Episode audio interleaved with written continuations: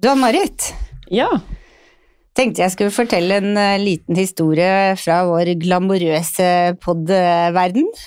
Oh, nå er jeg spent. Ja, for mange tror kanskje at det er veldig glamorøst, siden vi er i studio sånn iblant.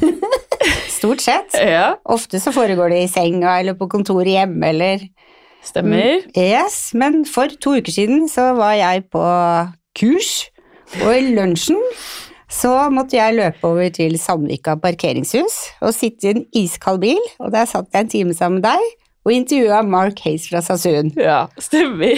Og ikke fikk jeg lov å ha på meg jakke heller, for da skrapa det, så det ville ikke han Marit ha noe av. Så da satt jeg med jakke på lårene og glemte jo kulda, for det var jo Ja. herlig samtale. Ja, det var Det er jo alltid det. fantastisk. Ja.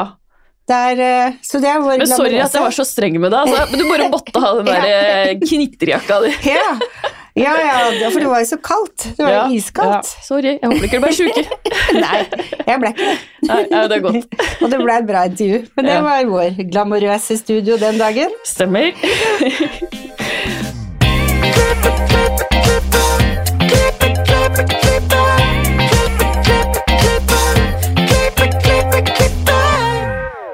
Velkommen til Hårpodden. Jeg heter Ann-Marit. Jeg heter Renate. Ja, hvordan har uka di vært, Renate? Uka mi har vært helt uh, over the top. Jeg har hatt to dager som jeg har vært assistent for Candice McKay. Og hun er jo sånn internasjonal Davines-educator fra Sør-Afrika. Bor nå i Kroatia, bare reiser rundt og holder show. Og for de som ikke veit hvem hun er, så er det International Hairdresser Award vant da i 2022. Hun har vunnet to ganger IPE og to ganger TST og vært the best of the best og masse flere. Wow. Men helt usminka, skjønn, ustyla, nydelig jente. Og det som er så fint med det, er det var en lærling som spurte meg som var på kurset, hvordan Herregud, du fikk jo ikke vært med, du løp rundt som en sånn nisse og bare serverte kaffe og var Ja, sånn du som også? Ja. Men helt ærlig, jeg liker å ha litt sånne roller iblant, for det er deilig å komme nedpå og gå og feie etter noen og rydde til noen og få følge med fra sidelinja. Det Det trengs det òg. Det trengs sånne personer. Ja, Ja. og jeg fikk filma alt og fikk klippet alt på dokkene og kom hjem, så jeg fikk like mye kurs med alle andre.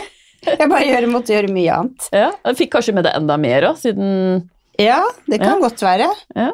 at jeg gjorde det. Det var i hvert fall altså, Du kunne vært uten alle de prisene også. Det er gøy å assistere noen og få lov til å være litt tilbakeholden, syns jeg. mm, Veldig enig. Ja. Veldig, veldig enig. Så det, det har vært min uke. Det er gøy. Og din? Ja, nå er det én uke og to dager til jeg åpner salongen. Ja, hvordan går det? Eh, veggene er ikke malt, ferdig. Nei, men det kommer. Og gulvet er ikke ferdig. Og møblene kommer etterpå. I dag? ja, Så bra! Så jeg henger litt etter, da, Ja. kan du si. Det Jo. er egentlig ikke tid til å være her. Nei, men det må du. Ja, ja, ja. ja. Nei da, men jeg har ikke noe sånn dårlig magefølelse. Det, det kommer til å gå bra. Og Mm. alt må ikke være perfekt for å kunne åpne, så lenge jeg liksom har en vask og stol og Men da skal jeg fortelle deg noe. Ja. Det er ikke så lenge siden vi hadde, og det har jeg fått i bakhuet. Henrik svar her og fortalte at du deler døgnet i tre. Åtte timer søvn, åtte timer jobb, åtte timer fritid. Mm. Så man kan rekke ganske mye, bortsett fra den tida man sover. ja, sant det. Ja, Ja, det er bare å puste. Ja. Vi kommer i havn. Ja. Men vi har jo med oss en gjest i dag. ja. Og dagens gjest har hatt en lang og spennende karriere som frisør. Han er en engasjert mann, og det sies at det er en levende leksikon om vår bransje. Dette har vi gledet oss veldig til. Velkommen til oss, Arild Martinsen. Takk for det. Takk hyggelig å være her. Kan ikke du starte? Hvordan er det karrieren din starta? Ja, altså Den eh, startet jo egentlig fordi min, jeg er jo annen generasjon, altså min far var jo også frisør, og, eh, og ganske aktiv, får jeg si. Og eh, både, både bak stolen og, og i organisasjonen, slik at han var jo også da ble også formann i, både viseformann og formann i Norges damer- og herre, dame- og herrefrisørmestres forbund, som det het den gangen. Og eh, så eh, jeg har liksom vært med fra begynnelsen. Og eh, var jo i salongen hans, da, som var på Karl Johan, Karl Johan 33. Og fra jeg var åtte-ti år gammel, tenker jeg. Og det var det var liksom Ikke at jeg gjorde noe der, men jeg var nå innom der og, og fikk jo se hvordan det der foregikk. Og så var det at Og jeg var ikke tvunget til å bli frisør, for å si det sånn, men jeg syntes jo det var helt ålreit. Og den gangen så var det veldig mange mannlige damefrisører. For de konverterte jo i Jeg kaller det konvertere fordi at de fleste gikk over fra dame til herrefaget i, i 1930-årene. Og det hadde seg også Bakgrunnen for det var egentlig at det var kun herrefrisører som kunne klippe, og det myten om at det var bare herrefrisører som kunne klippe, det kom seg av at moten skiftet i 1926 med Great Gatsby og alt dette der som Det var litt senere, det, da, men da ble det shingle Og det var bare de som kunne klippe singel, som i dag er blitt faktisk sånn fade out, som det heter. Ah, ja. så, så, men, men det var grunnen, og så var det selvfølgelig mye mer, mer penger å hente på damesiden. Så derfor kaller jeg at de konverterte. Og derfor var det også veldig mange herrer som var, ble damefrisører, eller som som var det da i forhold til i dag. For dette skiftet da rundt i, i 60-årene. Så regnet man at det da tok damen over, og det har jo absolutt gjort. I dag er det jo nesten ingen mannfolk som er, er dam, damefrisør, eller frisører, da. Mm. Så det er litt som det, Midtstue, som var generalsekretær i sin tid, fortalte det at dette kommer til å og, og skli over, faktisk. Hvilket jeg har gjort, da. Men nok av det, så, så som 15-åring så Jeg gikk jo på videregående, da, den gangen. Så, så var det verdensmesterskap i frisering i Brighton. Og eh, det fikk jeg ble tatt ut av skolen, da. Søkte om det, måtte jo søke om det hos rektor, og kom meg og fikk være med. For faren min var dommer, internasjonal dommer. Og eh, dermed så reiste vi dit, da. Med Bremar over og tog med 14 timer fra Newcastle til Brighton. Og, eh, så det var eh, Og da fikk du liksom se Min far ville liksom at man måtte se frisørfaget liksom i det litt mer rom, da. Og, og eh, ja, se at det var noe liksom utenfor eh, akkurat de fire veggene du sto i, i her hjemme. Så Og det var, det var jo litt av en opplevelse. Da ja, jeg må nesten fortelle en liten episode akkurat på det. Når vi reiste, vi reiste som sagt med buss fra Newcastle. Og dette var i 1954. Og eh, da var det jo Det var jo ikke da lenge etter krigen og alt dette her.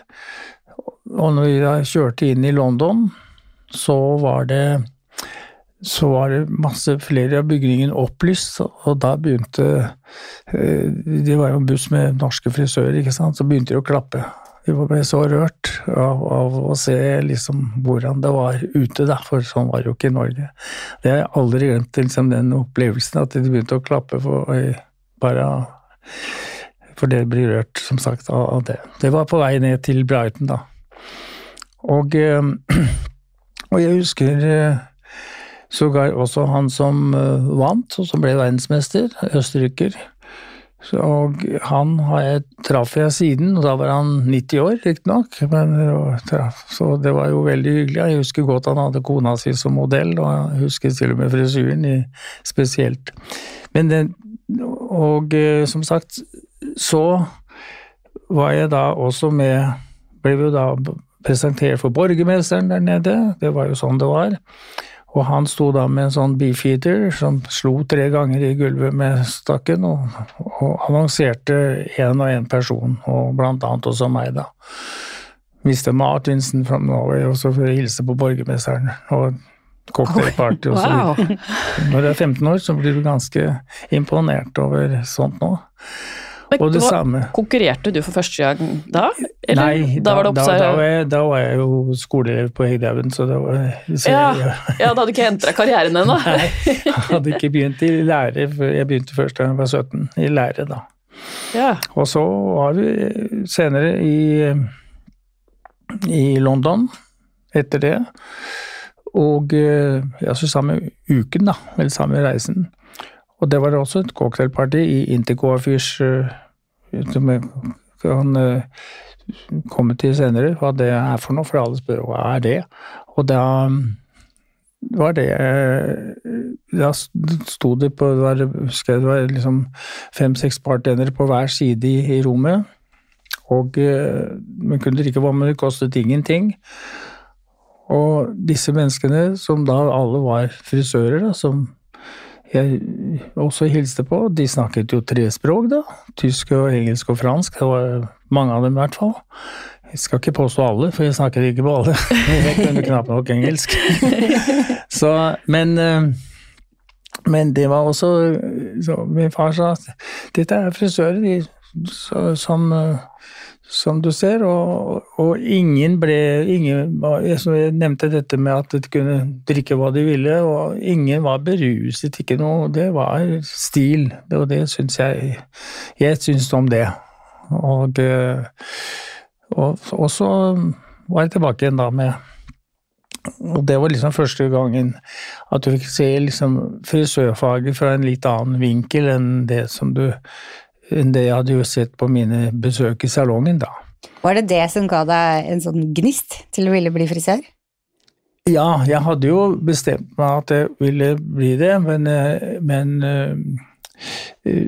sånn sett, selv om jeg da gikk på, på skolen, som sagt, så, så, var det liksom jeg ville gjøre unna det først, da. Og min far, han, nå er han riktignok 40 år eldre enn meg, så så han var ikke, min, ikke fullt så begeistret for at jeg skulle eh, også bruke tiden til å gå på skole, for det kunne liksom gjøre senere. For han så jo liksom på seg i forhold til seg selv, da, antagelig. Men eh, min mor og jeg syns jeg ville gjerne det. Så som sagt så, så var jo det var liksom det siktemålet, kan man si. Og eh, og så begynte jeg da som elev på Oslo, på yrkesskolen. Og da var jeg 17. Og det var jo fire års læretid den gangen. Så vi var en prøveklasse. Og da for vi som da hadde mer enn folkeskole, da det, vi fikk fri, husker jeg, samtlige regnetimer fram til jul, fordi at vi lå jo langt foran mange av de andre. Det var der. Og satte lærerne opp Det var ikke, var ikke lærebøker den gangen.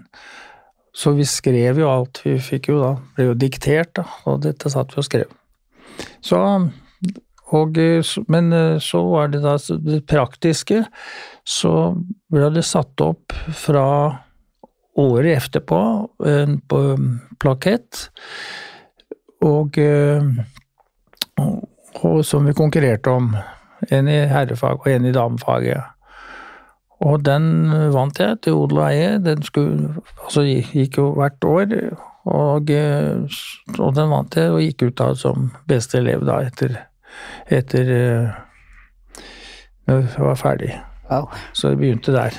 Så jeg, allerede da konkurrerte jeg jo, men som jeg Min far som hadde startet Oslo Marcellklubb, som var en konkurranseklubb, etter og samarbeidet med Coifførklubben, som det het i Malmö, og damefrisørklubben Marcel, som var i København, så ble det da Uh,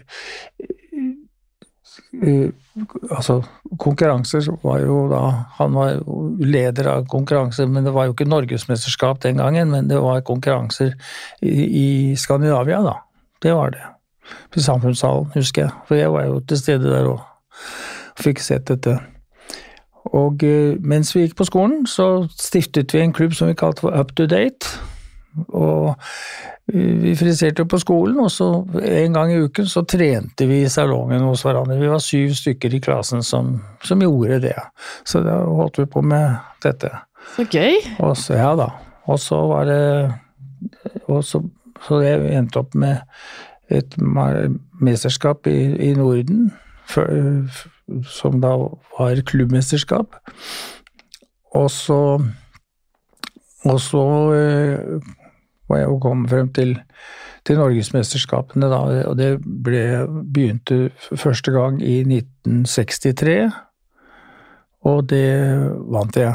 Men i 1962 så var jeg på landslaget sånn sett, for da var det verdensmesterskap i Amsterdam. Og uh, da var vi den gangen da var vi seks stykker på laget. Med to modeller hver oss. Vi hadde god råd den gangen. I forhold til i, i, forhold til i, dag, i dag. Det har skrumpet inn noe voldsomt. Men uh, det var i 62, og så ble det arrangert norgesmesterskap som sagt i Stavanger, den første, i 63. Og det vant jeg.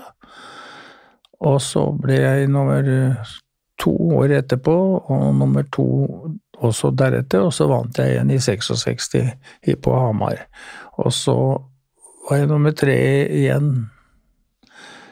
Nummer tre var jeg faktisk, etter Tuti, som er dronningens frisør og uh, Jutta Skau, som vant de to mellomliggende årene, da. Også, Hvor lenge konkurrerte du? Jeg konkurrerte til altså 67 var den siste gangen som jeg konkurrerte om norgesmesterskapet, og så ble jeg dommer etter det. Og uh, dømte i Norden, jeg var, ble jo tatt ut i nordisk mesterskap, og så jeg friserte nordisk mesterskap, ble nummer tre den gangen, i Finland. Og så og også i Helsing i Sverige. Henholdsvis 61 og 63. Da var det, det var nordisk mesterskap annethvert år. Hva er det som gjorde at du slutta å konkurrere? Nå, nå er jeg ferdig? Jo, ja, det, altså det, det, krever jo mye arbeid, kan du si. Og så Jeg var jo 20 år når jeg giftet meg, så jeg hadde jo, jeg var jo gift og hadde to, hadde to døtre. Og da, på det tidspunktet, og eh, da blir det jo nokså mye tid som går med til eh, dette her, da. Kona mi var jo modell for meg de første årene. Og så eh, Så, så dermed så, så ga man seg liksom med det, men til gjengjeld så ble, var jeg da dommer. Og i, også ut i verdensmesterskapene. Så i da, 72 i Barcelona, og vi var altså i 76 i New York. Og da ble jeg valgt inn i styrer for hele verden. Så, Helt vilt! Ja. Jeg tenker bare at du fløy så mye på den tida. Det, må, det må jo ha vært annerledes å fly da enn i dag? Ja, ja, det tok jo litt lengre tid. Ja, men det jeg tenkte det var som New York var ikke gjort på tolv timers tur. Nei, det jeg brukte litt tid til å komme dit, det er riktig det. Det var i 76 da. Ja. Så det, men, eh, så det var jetfly, altså. Ja, så du gikk fram? ja. Men, eh, men så, så det var Og da var jeg som sagt var dommer, men så ble jeg da valgt inn i styret og ble da i vise menns råd, som det heter. Uh, som var da overdommer, og som hadde med reglementene å gjøre, og som uh, overvåket jurymedlemmene ellers. Og i det styret satt jeg frem til, til 1998. Jeg satt der i 22 år. Altså, jeg var president for hele verden fra 94 til 98. Oi da, oi da. For en opplevelse! Ja, så det har, jeg har vært rundt hele verden, nesten. Jeg har så mye spørsmål i, i det hele tatt her, kjenner jeg. Men hvordan var det, liksom? Å stå og snakke med så mange bra mennesker? Ja, det- Å møtes og- ja, hvordan var det? Du blir jo, blir jo kjent etter hvert da, med folk over hele verden, og det er jo veldig hyggelig.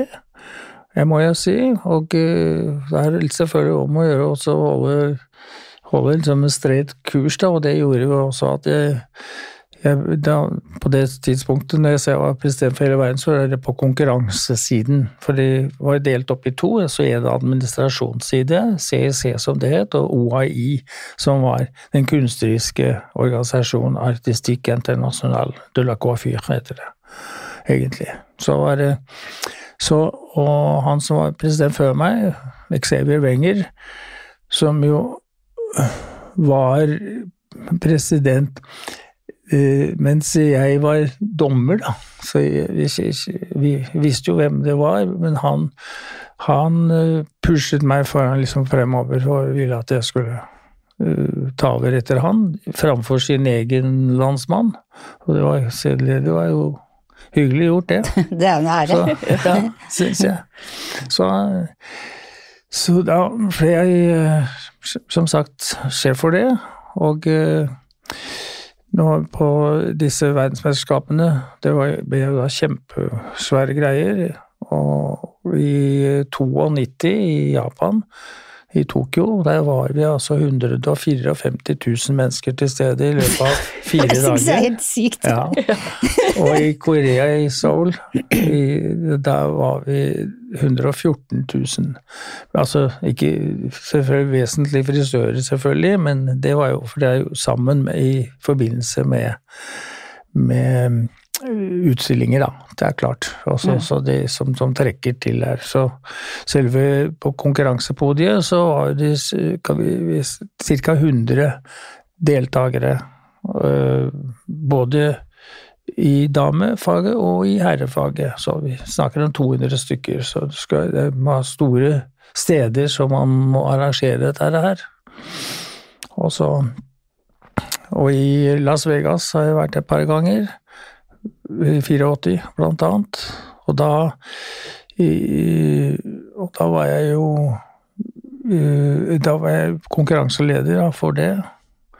Og eh, man liksom er det før man blir president, selvfølgelig. Eller bli, ja, man blir jo ikke president, man blir jo valgt. en- Men eh, jeg var konkurranseleder, og eh, da gikk jeg sammen med hun som eide Redken, og Liberace, i, og åpnet liksom utstillingen, da. Eller det var bare oss tre da, som gikk gjennom første gangen. Så det var i Las Vegas. Gud, det er så var stort. Ja. Men jeg må, jeg må bare spørre, når du da var liksom å overvåke alle konkurransene og sånn, og så, Ja. så du slutta å konkurrere sjøl, savna du lite grann det å konkurrere når du gikk rundt og så på alle andre? Eh, Nei, nei Nei, jeg gjorde Nei? ikke det. Jeg gjorde ikke det. Jeg kan ikke si at jeg savnet å konkurrere, selv om jeg syns det er alltid artig å så alltid artig å holde på med hår, men eh, å å så konkurrere selv Jeg syns jo det var litt artigere å, å dømme andre, og så se de forskjellige hva de, hva de fikk til, og, og så videre. Jeg syns nok det. Altså, og så var jeg jo så mer Jeg ble jo da konkurranseleder, som jeg nevnte. Uh, General Commissioner, som de kalte det. det var, og første gangen så var det i Amsterdam i 1980. Det var første gangen så de ville at jeg skulle være det. Og så ble jeg det på forskjellige internasjonale konkurranser. Det var til Paris, og det var i der og i, og i Tyskland, selvfølgelig, og Italia var det. Så det var liksom masse rundt der. Og så, og så var det Østen og Amerika, da. Så det var liksom arrangert i, i tre ganger VM, Disse verdensmesterskapene var i grunnen i Du kan si først i Europa, og så i Amerika, og så i Asia, eller og sånn. Fordelte det på de gangene. Så eh, det er to steder jeg ønsker å ha vært. I Sør-Afrika, det har jeg aldri vært. og ikke i Australia. Ikke heller. men, men ellers har jeg vært faktisk mange steder. At du fikk jo reist enormt mye i forhold til Ja. hvor vanlig det var å reise på den tida. For det var jo ikke vanlig å reise så å være så bereist som det du var? Nei, det var jo ikke det. Og du vet, imellom så hadde vi jo de, de eh, mest skal vi si, opplevelsesrike turene, akkurat borte, utenom dette med konkurranse. Da. Det var jo å planlegge for vi som da satt i hovedstyret i, da, i Paris. For det første var jeg da ca. 80 ganger i Paris i året. Uh, også, men ja, ikke bare for det. Men eh, det var i forbindelse med Intercoiffure også, og, eh, og, og mote, altså fashion, eller haute couture-visningen, da. Som også var to ganger i året. Som januar og juli. Og, du har virkelig vært en busy mann. Ja. ja. jeg må si det. Når du tenker efter, så blir det jo ganske mye av det, da. Ja. Og da, da Det var som sagt ja. Jeg, jeg bare stopper litt opp. Ja. ja. Kommer litt rann. Jeg leste jeg ser, ja, at du var veldig tidlig ute med å ha kundene i vindu. Sånn holdt jeg på å si, på utstilling. Jeg vil ikke si det, men Ja, jeg skjønner. Ja. Det, det er riktig. Og det er riktig. Det er jo kanskje ikke tenkt over, men når du sier det, så husker jeg det var en episode spesielt på, i Kirkeveien, hvor jeg er salong nå.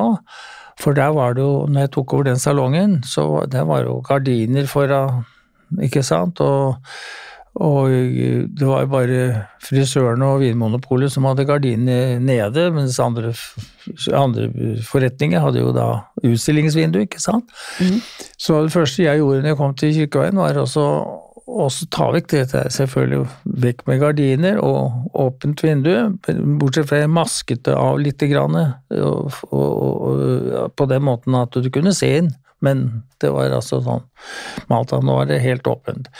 Og da husker jeg det ble bemerket Det husker jeg var en, noen som sto utenfor, ble merket å sitte sånn, sånn, på utstilling, det var liksom ikke tingen. Og de fleste damefrisørsalonger, de er De var også her hjemme i annen etasje. Herresalongene er alltid på gateplan, for de skal bare gå rett inn, ikke sant, og, og få av seg noe hår. Skulle Eh, faktisk. Det ble forandret, det òg.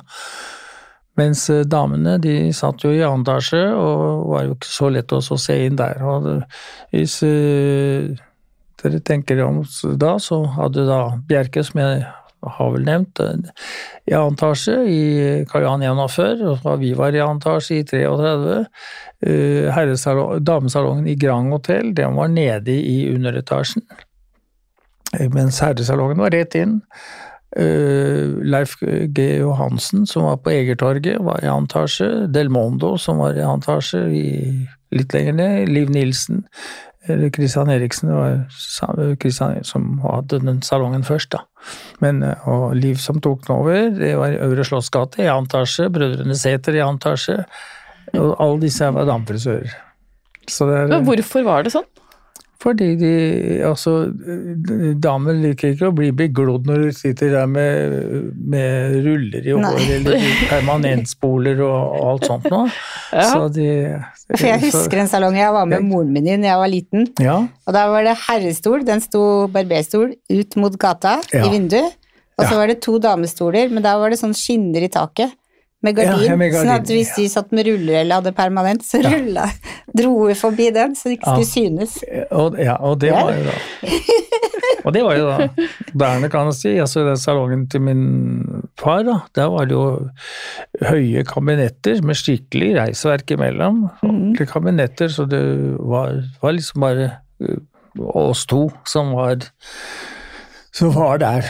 Ja. Da, og han uh, Min far han røkte jo, så røkte jo, og så friserte og den regelen over siden. Og, og, så, og så, i, så dette her med at det ble åpnet, det skjedde først på slutten av 50-årene. Da var det, da, for før det så var det høye gabinetter, altså veldig jeg skulle ikke vite skulle ikke, altså Farve håret var jo en skam, ikke sant? Mm. Eh, så det var jo ja. ingen som ville. Jeg hadde, husker vi hadde to De var svigerinner, og de måtte ikke vite om hverandre. og ikke være helst skulle liksom Og den ene farvet håret sitt, ikke sant, og det skulle ikke snakkes om, nei. Så den reklamen som går på munn, den, den, den utgår egentlig, den da? Hvis du skjønner? Ja, ja, ja, ja, ja det, øh, den gjorde jo ikke det for så vidt, for den gangen så var det jo Altså, man ble jo kjent ved at man var flink, da, og da, og da ble det jo slik at man at det gikk fra munn til munn at dette kan du prøve, ikke sant? Kan ikke du prøve der, eller kan ikke du prøve der? Mm. Så øh, gjaldt med, med kona mi, for eksempel. Ja.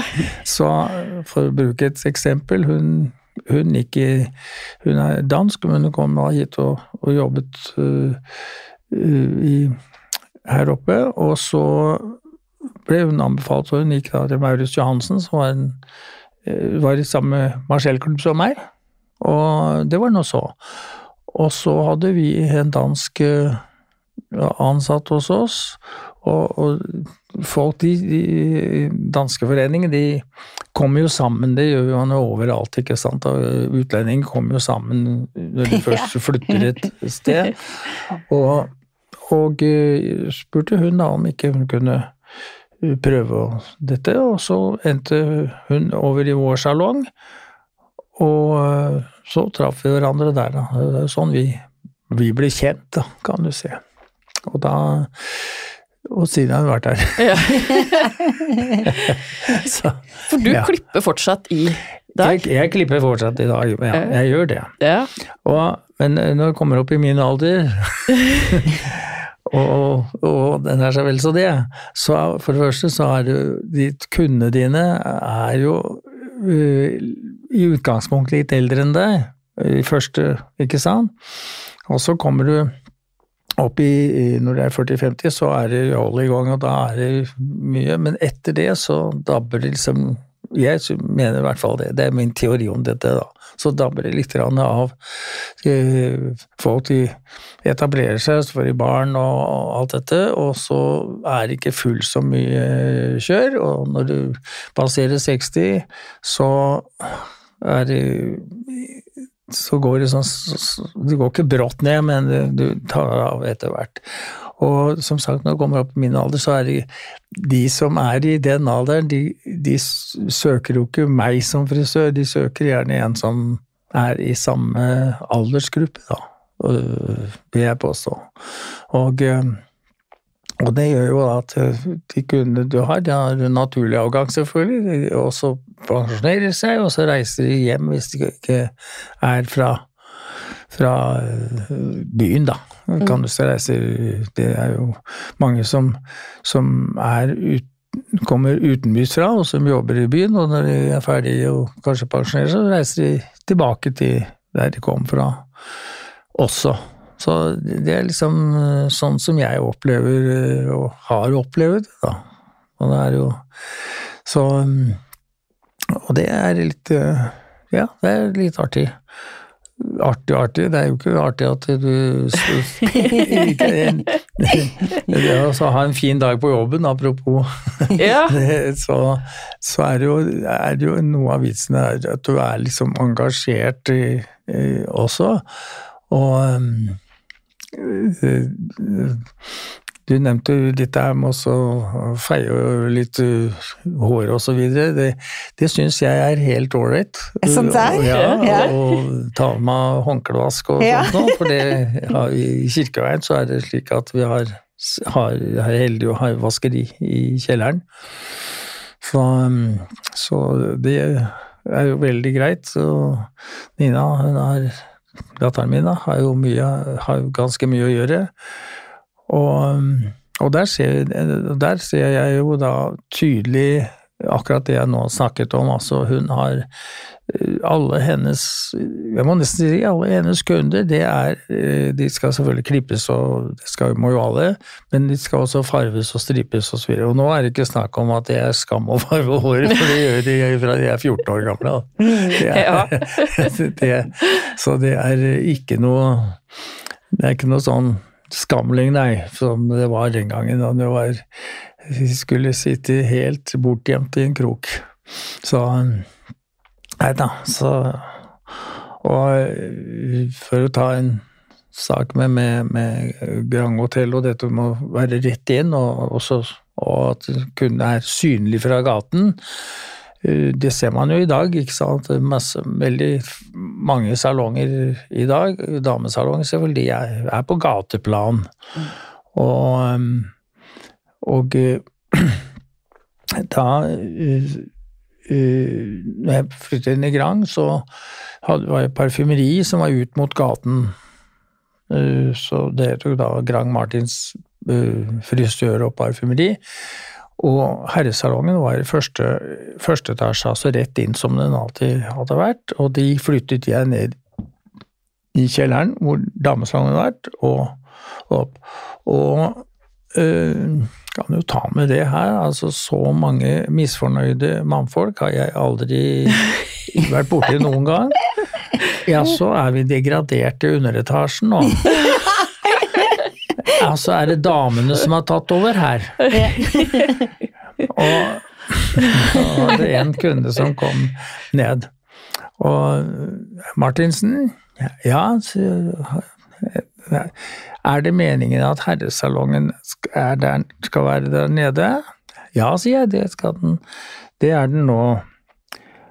Nå har jeg gått her i 54 år, men ned i det hølet der går jeg ikke.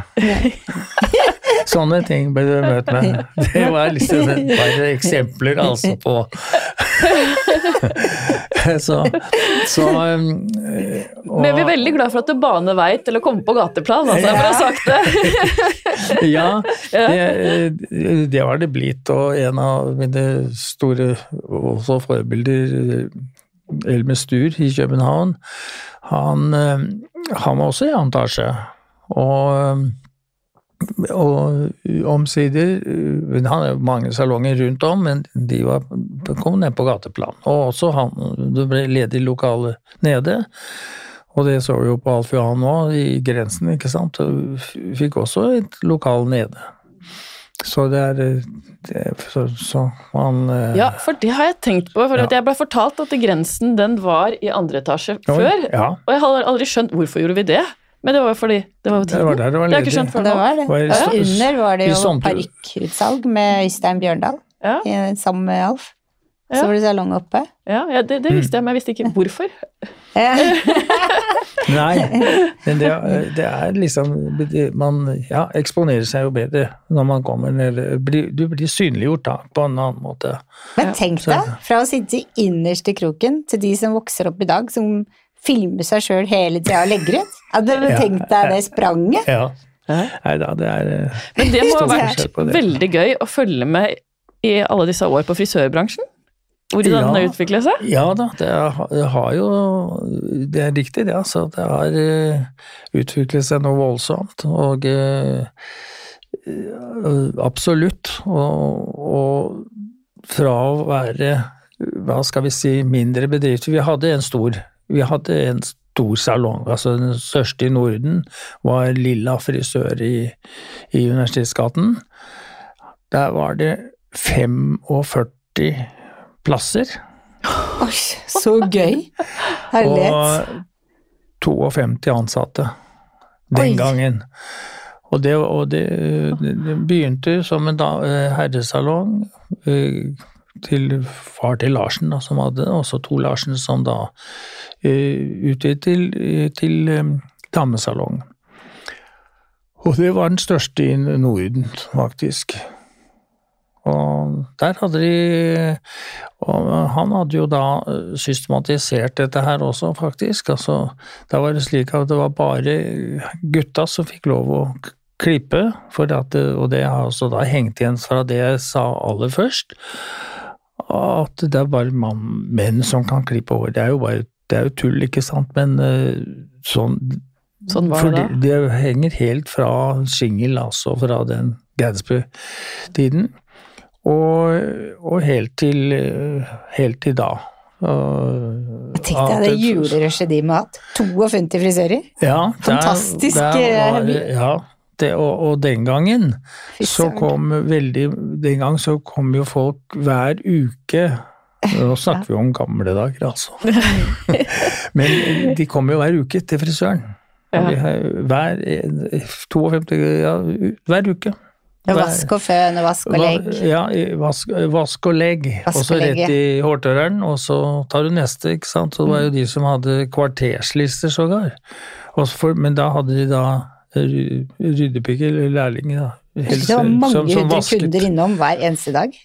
Mange kunder, fordi det var jo ikke Alle, alle hadde jo ikke bad hjemme, eller dusj for den saks skyld. Det er jo, stand, det er jo absolutt standard i dag, men, men eh, du kan si det var eh, det, Jeg må si Du kommer inn på kanskje litt eh, Ikke andre ting, men i eh, 60-årene, da, for å ta det, så da hadde vi også ukentlig, absolutt. Da hadde vi langt hår, og det ble solgt spray for eh, bare, eh, spraynett for 22 millioner. Eller i, faktisk i året, da. Så, så spray, så spray gikk det hele tiden. Og så og så kom Sasun på banen i 70-årene, og da skulle du ikke tupere lenger, og, og sprayen forsvant, og sjamposalget gikk rett til topps. Ja. Da var det, for, og sjampo gikk jo da både på herrer og damer, ikke sant, og begynte med trening, og håret skulle ikke tuperes, det skulle jo bare klippes. Ikke bare det, men det var plutselig var det Twiggy og den stilen som kom, og eh, det var eh, en revolusjon, absolutt en revolusjon, når eh, Sasun kom på banen. Jeg var hos Sasun i eh, 72. Ja, jeg sendte en av medarbeiderne mine der i 71, og var der sjøl i 72. Og kom tilbake da, og så hadde vi, jeg hadde, vi hadde jo kunder. Og, eh, og da var Og så var liksom hadde lært der Ja, lært og lært, altså nå skal vi klippe sånn. Å nei, ikke på meg. Og ikke på meg. Og det du hadde, det, det kunne, du hadde, de ville jo ikke De ville jo ikke ha sånne frisyrer. Altså, de hadde ikke fulgt med på trenden, for å si det sånn. Ikke helt, De hadde ikke kommet til Norge ennå. Nei, Nei. jeg kan si når det skjedde faktisk nesten på dagen. Men eh, det skal kan jeg komme tilbake til. Eh, men du fikk da altså ikke ført over dette her, og så som han medarbeideren min, som, eh, som eh, Jeg kom tilbake, så Jo, han hadde jo Lærte jo å klippe der borte. Og kom tilbake, men eh, han eh, fikk jo ikke da solgt dette videre til kundene. For det var ikke snakk om alle skulle da fremdeles stuperes, eller ja, og så eh, Så det slo ikke an. Eh, Så den som, den som uh, satte i gang da, den gangen altså Jeg hadde, som dere har vært inne på, vært på dette da for lang tid tilbake, så der var du liksom innarbeidet på det feltet. Mens de som begynte, og da jeg alltid et godt eksempel Adam og Eva og Øystein, som satte i gang nettopp i 70-årene, og, og da var jo folk sjokkert over eh, det som skjedde der, men de bare kjørte på, og det har jo vist seg, og som sagt Sasun, eh, som jeg også har truffet, da, og, og eh, in person, så, så var jo han ute veldig tidlig, og så tok det over eh, etter hvert eh, her hjemme. Men jeg kan si når det skjedde, og det var eh, Det var olympiade i Wien, tror jeg, eller Østerrike. vinterolympiade, og så var det og kunstløp, og Dorothy Hamilton fra Connecticut, hun, hun vant spesialløpet. Og tidligere så hadde vi sett uh, Shoki Dijkstra, som var fra Holland, og hadde frisyr, en frisyre som var, var stiv som hønn, ikke sant? Og eh, det var liksom sånn det var. Og så kom denne Dorothy. Ikke i samme løpet, det var året år imellom sånn sett, men Og danser. Og la vi jo piruetter så det holdt, og håret sto liksom rett ut, og idet hun bråstopper, så smakk håret på plass. Altså, jeg husker jeg får gåsehud når jeg snakker om det, fordi er det mulig? Er det mulig? Liksom, det var satt som et skudd. Det var perfekt klippa. den var perfekt klippet. Dette her var uh, sannsynlig i det, for å si det sånn. Jeg tror ikke det var han som nødvendigvis hadde gjort det, så det er sagt. Men eh, frisyren het Firefly. Ja, Og dagen etter skulle hele Norge Norge ha Firefly. Det var fra, faktisk fra den ene dagen til den andre. Wow. Da var det slutt med ruller og alt, og jeg husker Så, så det var eh, Nei, det var eh, helt utrolig. Og så, eh, så det mm, og, og, og det har jo for, sånn sett holdt seg. Men i, da, i samme tidspunkt som det, så eh, jeg har jo gjort litt mer eh, da enn det. Fordi at jeg, jeg eh, I 67 så ble vi introdusert for Pivot Point. Og Pivot Point, det var jo da en måte uh, The Scientific Approach to Hair Design, het det. Og eh, det var jo da eh, med å rulle opp hår på glatte ruller, kone ruller, hårruller, selvfølgelig. og, og, og vi snakket om da eh, to åttendels sirkel, altså en åt- eh, åtte åttendeler, det ble en hel, hel sirkel selvfølgelig. Og da var det å rulle opp hår. Og, der, og vi som var konkurransefrisører, vi ble jo da brukt til å reise rundt på kurs og snakke om dette, fordi at det ble tatt opp For det var jo en måte som man kunne bruke på skolene og, så videre, og lære folk å, å stelle håra. Så og da eh, Og Midtstu, som den gang var generalsekretær, han var veldig opptatt av å, å få Leo Passage, som var grunnleggeren av dette, til Norge. Og eh, kom han, han kom også. Den første var Dietmar Pleiner, det var da vi var i gang. Og da stelte, eh, og reiste vi rundt i laugene og, og viste frem dette og hvordan det kunne være. Og jeg nevnte Stur i sted, som var foregangsmann i Danmark, og som jeg husker jeg nevnte dette her. Ja, men du, rulle hår jeg gjør jo ikke det lenger. Det, nå er det slutt med det. Nå er det bare å klippe og gjøre sånn og sånn og sånn, for de, de lå jo foran oss når det gjaldt øh, Eller gjaldt dette, da. Ja. Så Men Leo Passage kom over sammen med en øh, kollega. Og vi reiste, og, og, men du kunne ikke holde kurs på engelsk i Norge. I, dette var i 1971. Så, ja, et, samme året som jeg faktisk hadde eller, Som jeg var hos Stasun.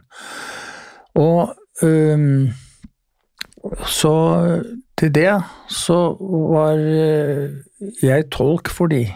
Altså, så vi reiste på Vestlandet. Ikke bare der, vi reiste faktisk kysten rundt fra eh, og Stavanger og innom Haugesund, Bergen og opp til Loen og holdt kurs. Og det ble jo holdt på engelsk, og jeg oversatte både for, for begge to, da. Og det førte til, for å gjøre en lang historie kort Det er ikke lett. Så spurte Leo om ikke jeg hadde lyst til å komme over til Amerika. Og eh, det sa jeg jo ja til. Og der i Amerika, det endte da med at jeg har vært på ca. 60 plasser i Amerika. Det er helt vilt. Fire til, fire til seks uker av gangen.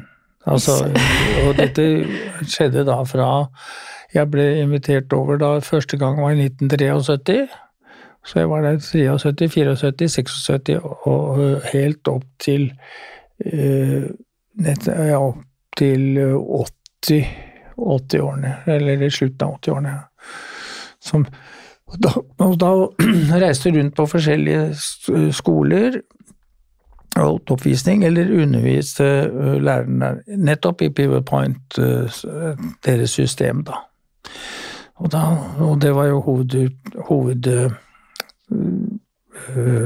kvarteret lå jo i Chicago, og så reiste da rundt på masse småsteder, selvfølgelig, som var der.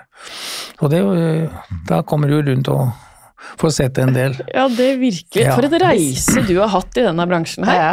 Ja, ja, Jeg er helt ja. blown away. jeg. Det, ja. Og det, Jeg tenker at du er ikke bare et vandrende leksikon, du er jo et vandrende geografikart. Ja, ja. Bereist, ja, da. det blir veldig mye, veldig mye rundt, ja. Herregud. Ja Eh. Vi har noen faste spørsmål her òg. Ja, Har du noen tips til frisører som vil opp og fram? ja, altså um, For det første, når vi snakker om, om, om det, så, så må, må du punktet like mennesker. Det, altså, du må like å arbeide med mennesker. Og det er det første som gjelder. Og eh, du må holde deg frisk og rask. Det er klart, slik at eh, fordi du jobber så nær med mennesker, så nytter det ikke å være dårlig. Du, de må jo stole på det.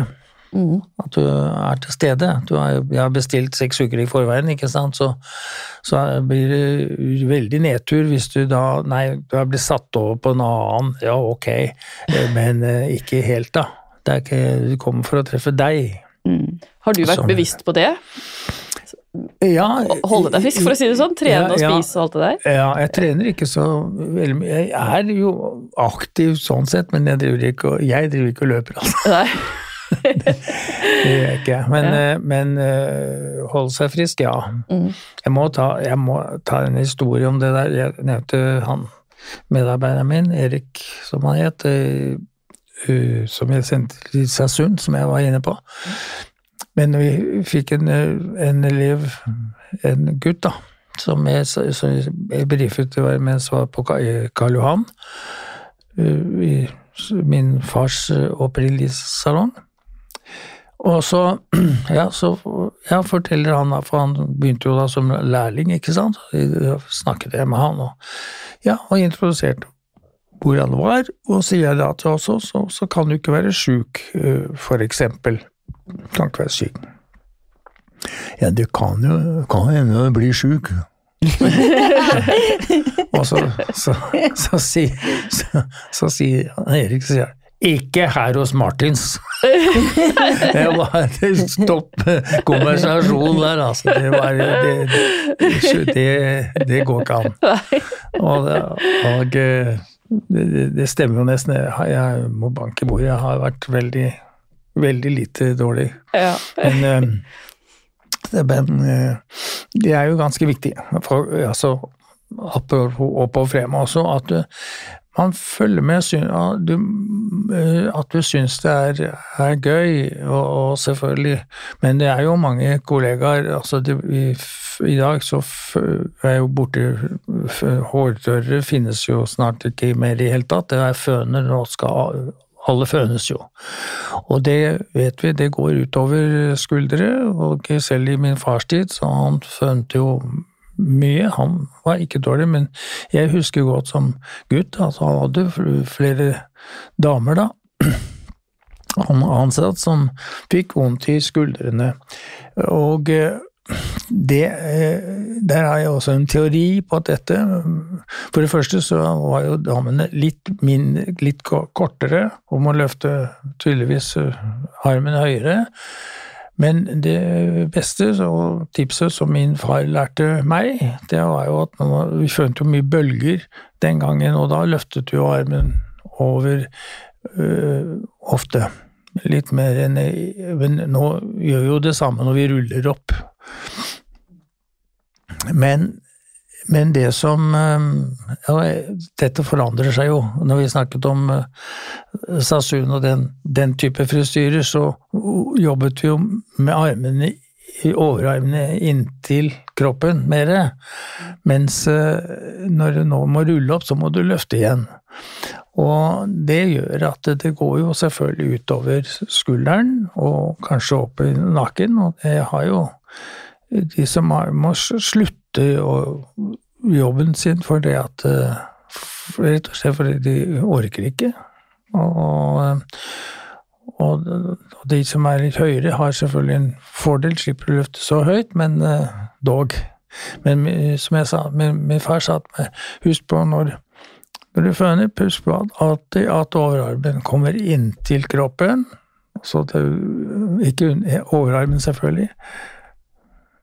Vi bør ikke slå den. Renate tester her. ja, jeg tester. Men når du bruker bevegelsen, så ned. Og, Ja. da, og, og, da, og da, blir, da belaster man ikke skulderen. Rett og slett. Og jeg har fulgt det jeg tenker på nesten daglig. At, eh, Smart tips. Ja, og, og han gjorde jo det. Så han eh, Og det må jeg si var, har jeg dratt med meg hele veien. Og sagt, selvfølgelig sagt det til mine eh, egne også. Og veldig mange sto Også når de klipper, så blir de stående og krøke seg over, over stolen, ikke sant? Og blir stående i en veldig feil arbeidsstilling, da. Så, så gå heller et skritt tilbake, og så og, og stå litt lenger unna. For står du for nær, så blir du for krampaktig. Samme, og det, det går og, men da, Så da er jeg borte og har prikka dem i ryggen og sagt 'pass på det', det og det. Og, for man liksom ta det der og da. Ellers så Og om de gjør det, det er en annen sak siden, men jeg, Jeg kjenner at jeg må rette meg på ryggen når vi snakker om det. Men vet du, i dag så Ja. har du en annen ting også, for veldig mange har vondt i håndleddene. Og det er jo de store kammene, og så har du de store Så- saksene. Men så har du Ja. den her, telefonen, ja, ja, ja. som du holder sånn hele tiden, og så scroller du. Så du får jo håndleddskader. Ja. Ja, da Legen min sier at det er masse skader i henda nå. Ja, ja. På lik linje som i gamle dager man vridde opp klær. Det er samme type vriskader i håndleddet i dag som det det var før du fikk sånn sentrifuge. Det er også noe å tenke ja, på. Ja, det kan, jeg kan godt tenke meg det. Og jeg vet jo det at disse som noen som alle sitter på skjermen med Ja, musarm. musarm så Ja, når vi får mobilhåndledd. ja, det kan nok gjøre det. Nei, altså det er eh, Men eh, det, det er veldig viktig at Mm. de Så eh, jeg passet i hvert fall på når jeg så det, da. Jeg hadde, nå har jeg jo ikke noen ansatte, så, så at pass på at du, at du gjør det. For det, du er interessert i at de er, holder seg friske, i hvert fall. Og det ikke er det de kommer an på. Mm. Om det ikke er det. Ja da. Hva inspirerer deg? Ja, det er jo Det er jo så å se, uh, syns jeg, andre eh, Å se andre som arbeider, eh, og måten de jobber på, som Jeg hadde jo da en eh, eh, artistisk leder hos Alexandre i Paris, som jeg jobbet mye sammen med da. Og eh, Daniel Frenna, som han het, kunstner til 1000. Og eh, når jeg så han satte opp hår, altså det var en fryd å se, altså. Det, det er så enkelt og så greit. Liksom.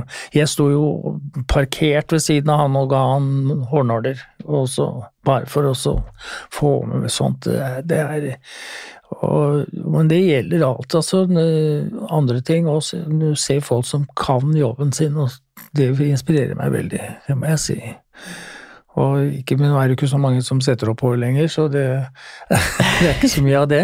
Men uh, den gangen i 80-årene, når vi jobbet for Couture, da var det jo oppsettinger. Så vi jobbet jo for Altså hos Alexander, da, som var en av verdens største frisører, som hadde Liz Taylor blant annet som kunde, og alle disse berømthetene. Så um, da um, og han var da engasjert av ni motehus som vi for Vi var en gjeng, da. På, vi var 14 frisører, vel. Så Tom Eriksen og meg, og så var det og, og en fra Sverige, blant annet, som fikk oss med der også. Og så, ja, så var det to fra Sveits, så var det to fra Spania, og to fra Italia. Så vi, vi traff hverandre hver to ganger i året. Også da på, på søndagen så var vi sammen, og så, så var det å sette i gang klokka syv om morgenen på, for Balmain og for Givenchy for Ungaro og Saint Laurent og disse. Og så ble vi fordelt Det var på de pressevisningene, for da var alle til stede. Men så ble vi fordelt resten av uken på mothusene. Jeg var mest hos Balmain, faktisk. Og, og da skulle Det var 100 plagg som skal vises, da. Og, så, og da ut og inn. Og når det er 14 mannekenger, så for det har jo større plass, mens når det er fem mannekenger som skal vise de samme plaggene, så er det veldig mye ut og inn, ut og inn, og da må du stadig ta litt på håret. Ja, så sånn er det. Men Så det var også litt av Det var, var veldig moro å ha vært med på, i hvert fall. Så. Hvis du kunne forandre noe med frisørbransjen, hva skulle det vært? Jeg, jeg, jeg vet ikke om det er så mye å det, det, det, er ikke så mye å forandre på. Jeg har liksom riktignok uh, jeg har riktignok vært med på å, å, slå eh, fagene sammen, da. Sånn som blant annet for uh, altså, Jeg har tre døtre, som jeg sa. Altså, blir stadig digresjoner her.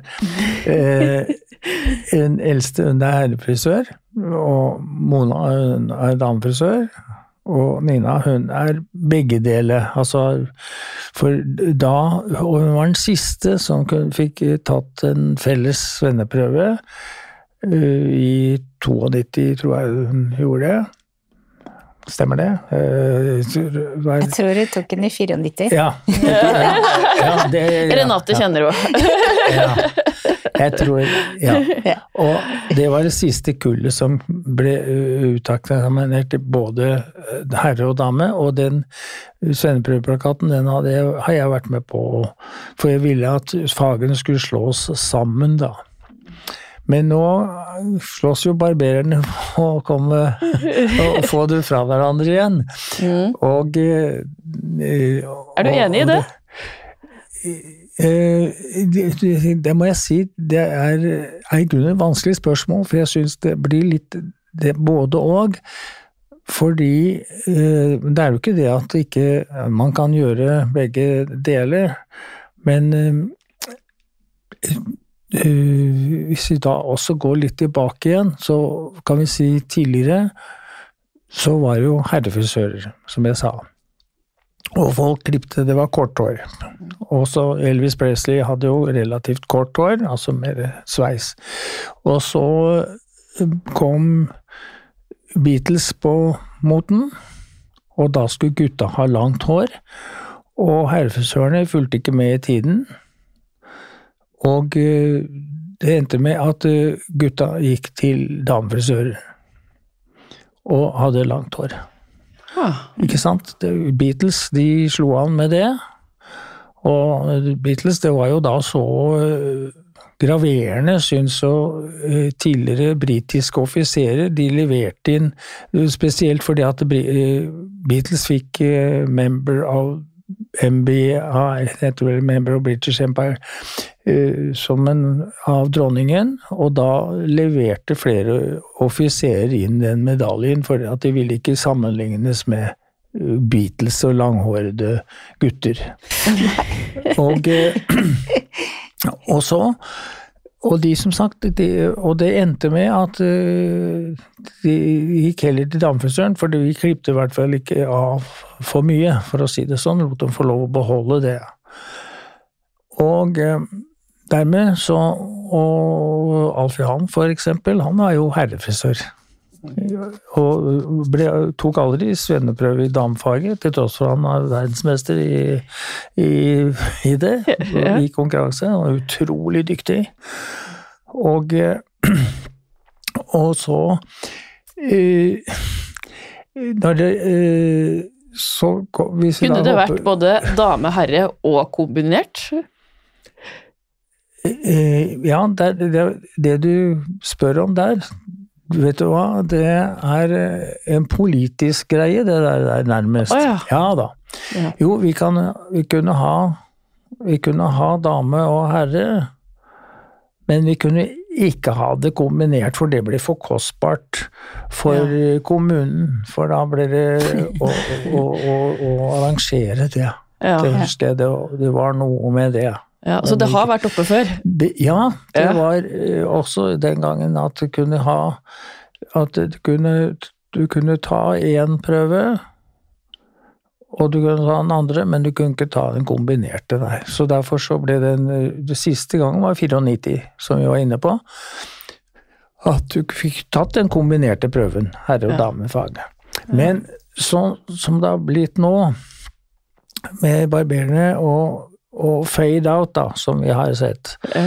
Eh, Fade out sier jo kanskje ikke så mye når du skal snakke i en podkast, for det må man jo se. Men eh, hvis man, man kan se på, ikke minst på fotballspillere, eh, fordi folk ser jo på fotball, og da, da er det flere av de som er klippet. Men eh, for å komme inn på hvorfor ble det eh, fade out, og, og hvem er det som bestemmer dette her, og trender, det, eh, trendene er, altså, som jeg har vært inne på ved Beatles, det blir en trend. Plutselig skal det være langt. Selv jeg hadde litt Jeg hadde ikke ordentlig langt, men langt nok, kan man si. Og, og eh, så Og så ble det ganske kort under Gulfkrigen, med Norman Schwarzkopf, som, eh, og da var det Crewcut som gjaldt. Og Eh, Jeg vil påstå at en som da har da inspirert eh, til å komme til dette med fade out da, for herrer, det er eh, han min, han som er president i Nord-Korea. Han har jo det. Det er ikke pent utført, spør du meg, men, men den, den er i hvert fall Den er i hvert fall sånn, og nå skal alle ha det sånn. Og jeg må si, jeg, jeg er også skal vi ha skjegg i tillegg, da. Det er jo også blitt eh, Så det er absolutt Så, så det er jo blitt en absolutt en trend.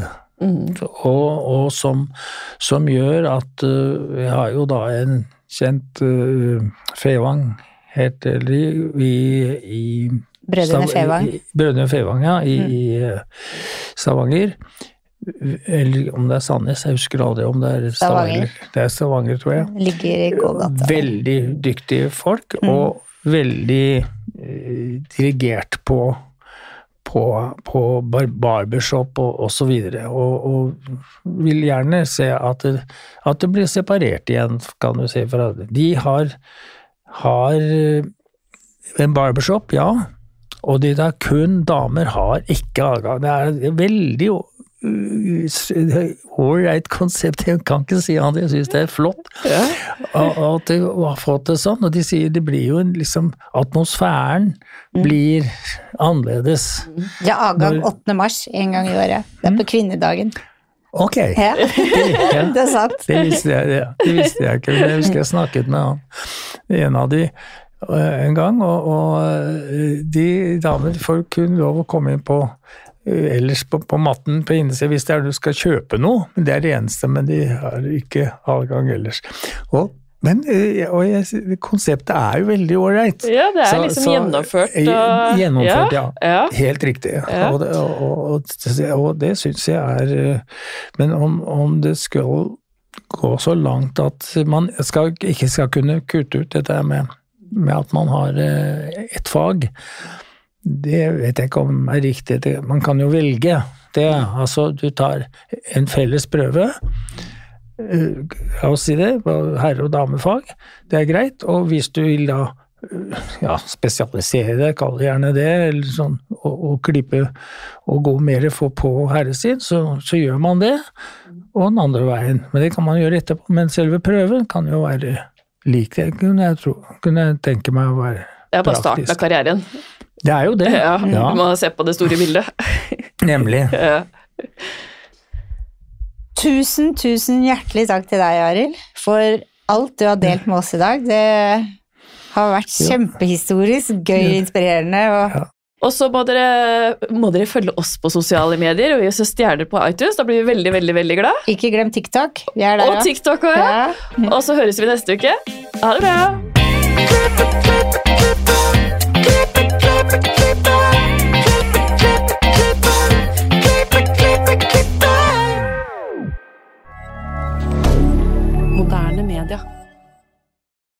Har du et enkeltpersonforetak eller en liten bedrift? Da er du sikkert lei av å høre meg snakke om hvor enkelt er med kvitteringer og bilag i fiken, så vi eh, gir oss her, vi. Fordi vi liker enkelt. Fiken superenkelt regnskap.